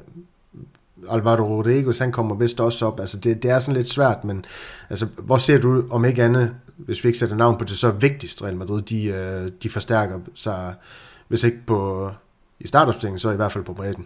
Jamen, jeg kan ikke rigtig se andet end angriberen eller højrekanten måske, fordi øh, højre bakken, der har vi ligesom så mange, og at jeg ikke tror, vi kommer af med dem alle sammen. Venstre bakken får vi frem ind. Øh, centerforsvaret er fint besat. Midtbanen kommer Jude Bellingham måske ind. Venstrekanten er fint besat, så er der jo kun højrekanten og, og angriberpositionen tilbage. Højrekanten, hvis vi forlænger med, med Asensio, så har vi både ham og Rodrigo og, og Valverde, så derfor så synes jeg øh, især med Benzema's øh, form i den her sæson, at, at vi skal have noget, vi skal have en rigtig angriber ind. Øh, en, der er bevist øh, og, og score mange mål. Vi skal ikke have Luka Jovic ind, der skal forsøge at bevise sig på, på fem minutter i, i hver tredje kamp. Vi skal have en ind, der, der, kan, der, er, ligesom, der er uddannet til at score de der mål. Øh, hvem det lige skal være, det... det øh, Nej, nej, ja, det, det må ja. vi tage en podcast om på et tidspunkt, hvor vi lige kan sidde og researche lidt på, øh, på nogle statistikker og nogle kontrakter, der udløber og det ene og det andet, ikke? Ja, lige præcis. Det lover jeg i hvert fald, at vi nok skal, komme tilbage til. Det er ganske interessant nu, når man har øh, ja, de faktiske tal foran sig, så kan præsentere noget seriøst også for, for jer lyttere. Øhm, men øh, Christian, jeg kunne jo godt tænke mig så at høre dig en mindre det vi så med Manchester City, særligt i uh, returkampen på, på Etihad. Er det så nok med en eventuel højrekant og en angriber? Nej, nu får vi også en venstre bak. der kan score på straffespark. Ja. Nå nej, de tæller ikke. Det er ikke nej, øh, det er jo svært. Det er jo et samlet puslespil, og nogle gange, det, det har jeg jo også argumenteret for jer til på den her podcast, nogle gange kan en spiller jo skubbe til fem, og nogle gange kan fem spillere jo komme ind og ikke skubbe til noget som helst. Altså Luka Jovic er jo et godt eksempel på, at man kan bruge 80 millioner på en spiller, der ikke ændrer en fløjtende dyt. Øh, Altså, så, så det er jo noget med at kigge på hele truppen som helhed, og derfor så, så er jeg heller ikke nødvendigvis tilhænger af det, kan vi også godt fornemme, den at vi, nu siger jeg godt nok, at vi, vi, vi gør lidt grin med, at vi måske ikke fornyer os så meget alligevel, når det lige er mig og Malte, der i hvert fald sidder og vurderer, hvem der skal forlænge, men, men, men man behøver jo ikke skifte et helt hold for at få fornyelse. Øhm, man kan kigge på træneren som en mulighed, men, men man kan jo også bare kigge på, altså det er også derfor, at selvom vi, vi er godt besat på midtbanen, at jeg tror på, at Bellingham vil give rigtig meget, fordi det vil både skubbe nogle af de erfarne ud i en, i en anden rolle i truppen, og det vil også skubbe til, hvordan vi er nødt til at spille, fordi han, han tager udgangspunkt i en lidt anden position, og han spiller med mere dynamik i sit spil, og han er rigtig, rigtig god på bolden. Øhm, noget, som jeg måske i virkeligheden synes, vi lidt savner. Både, både hverken Kammervenger, øh, Valverde eller, eller Chouameni er, er, er spillere, der egentlig kan få den længere frem i banen og, og, og skabe noget derfra. Der, der ser jeg lidt mere, at Bellingham han kan, han kan noget, øh, sætte andre op på den sidste tredjedel. Øh, og Kroos og Modric, Kroos er trukket tilbage, og Modric er trukket ud til siden, så, så han kan skubbe til noget, og skubbe til rigtig mange spillere omkring sig, og skabe noget fornyelse bare ved én spiller. Øh, så, så det handler jo om at se det i det store puslespil, og der tror jeg egentlig sagtens, at, at to-tre rigtige spillere kan skubbe en hel masse, men vi kan da godt have fem spillere, som ikke skubber til noget. Og Fran Garcia være en af de fem så. Godt nok ikke meget tiltro på, på Fran her. Nej, det er godt nok... Uh... Det er, jeg har lidt større ganske... forventninger til ham, hvis jeg lige skal prøve at, at være en lille smule en modpol, så, så tror jeg godt på, at det kan blive godt, men det, det får vi se. Ja, man skubber der i hvert fald Kammervenga længere frem, kan man sige, Christian, så der kommer også noget positivt ved Fran Garcias øh, ankomst i den øh, spanske hovedstad. Øhm, lad os slutte af på den her. Apropos puslespil. Det her det er så et økonomisk puslespil. Det er Jonas Ørtsholm, og jeg synes, det var en lille frisk ting at slutte af på, Christian. Hvad hedder bare så et bud på, hvad er Barcelonas næste palanca dernede? Det, jeg vil gerne sige noget sjovt, det kan jeg ikke lige nu. Fran Garcia kan vi kalde den. ja, ja, det er godt nok. Det er godt nok. Jamen, øhm, Malte, du, øh, du skal ikke kaste under bussen på samme måde. Du tabte jo trods alt øh, quizzen. Hov, der blev du kastet under alligevel. Men øh, det, øh, det er ganske glimrende. Jamen, øh, tak for alle de, øh, de fine spørgsmål du Der var flere. Øh, jeg tog ikke dem alle sammen med, og vi kommer måske til at, til at bruge nogle af dem nu, når vi skal snakke om de her øh, potentielle transfers, Real Madrid de skulle og, og lave eller ikke lave i, i sommerens øh, transfervindue. Øh, nogle afsluttende bemærkninger. Har du en afslutning, be, afsluttende bemærkning eller et eller andet, Malte? Noget, du skal, du skal have lettet for hjertet? Nej, jeg, jeg er done. Det, du, du det var en god snak. Jeg troede ikke, øh, vi kunne snakke så meget efter den kamp, her, vi så her til aften, men det var hyggeligt. så var der så meget andet ligegyldigt, vi kunne snakke om Christian. Eller ikke, du er ligegyldig, men ja, jo. Men, jeg vil bare slutte med at sige 3-0. Jamen, øh, det er fremragende. I, øh, I kender hummelen derude. Jeg slutter af med at sige, at vores mobile paybox, det er 1630WV, hvis man vil øh, ja, blive ved med at høre på, på Malte og Christian. så kan jeg jo vurdere, om I, I gider det, hvis I smider en skilling afsted. Vi, øh, vi lyttes øh, ved i næste uge. Alla Madrid. I nada más.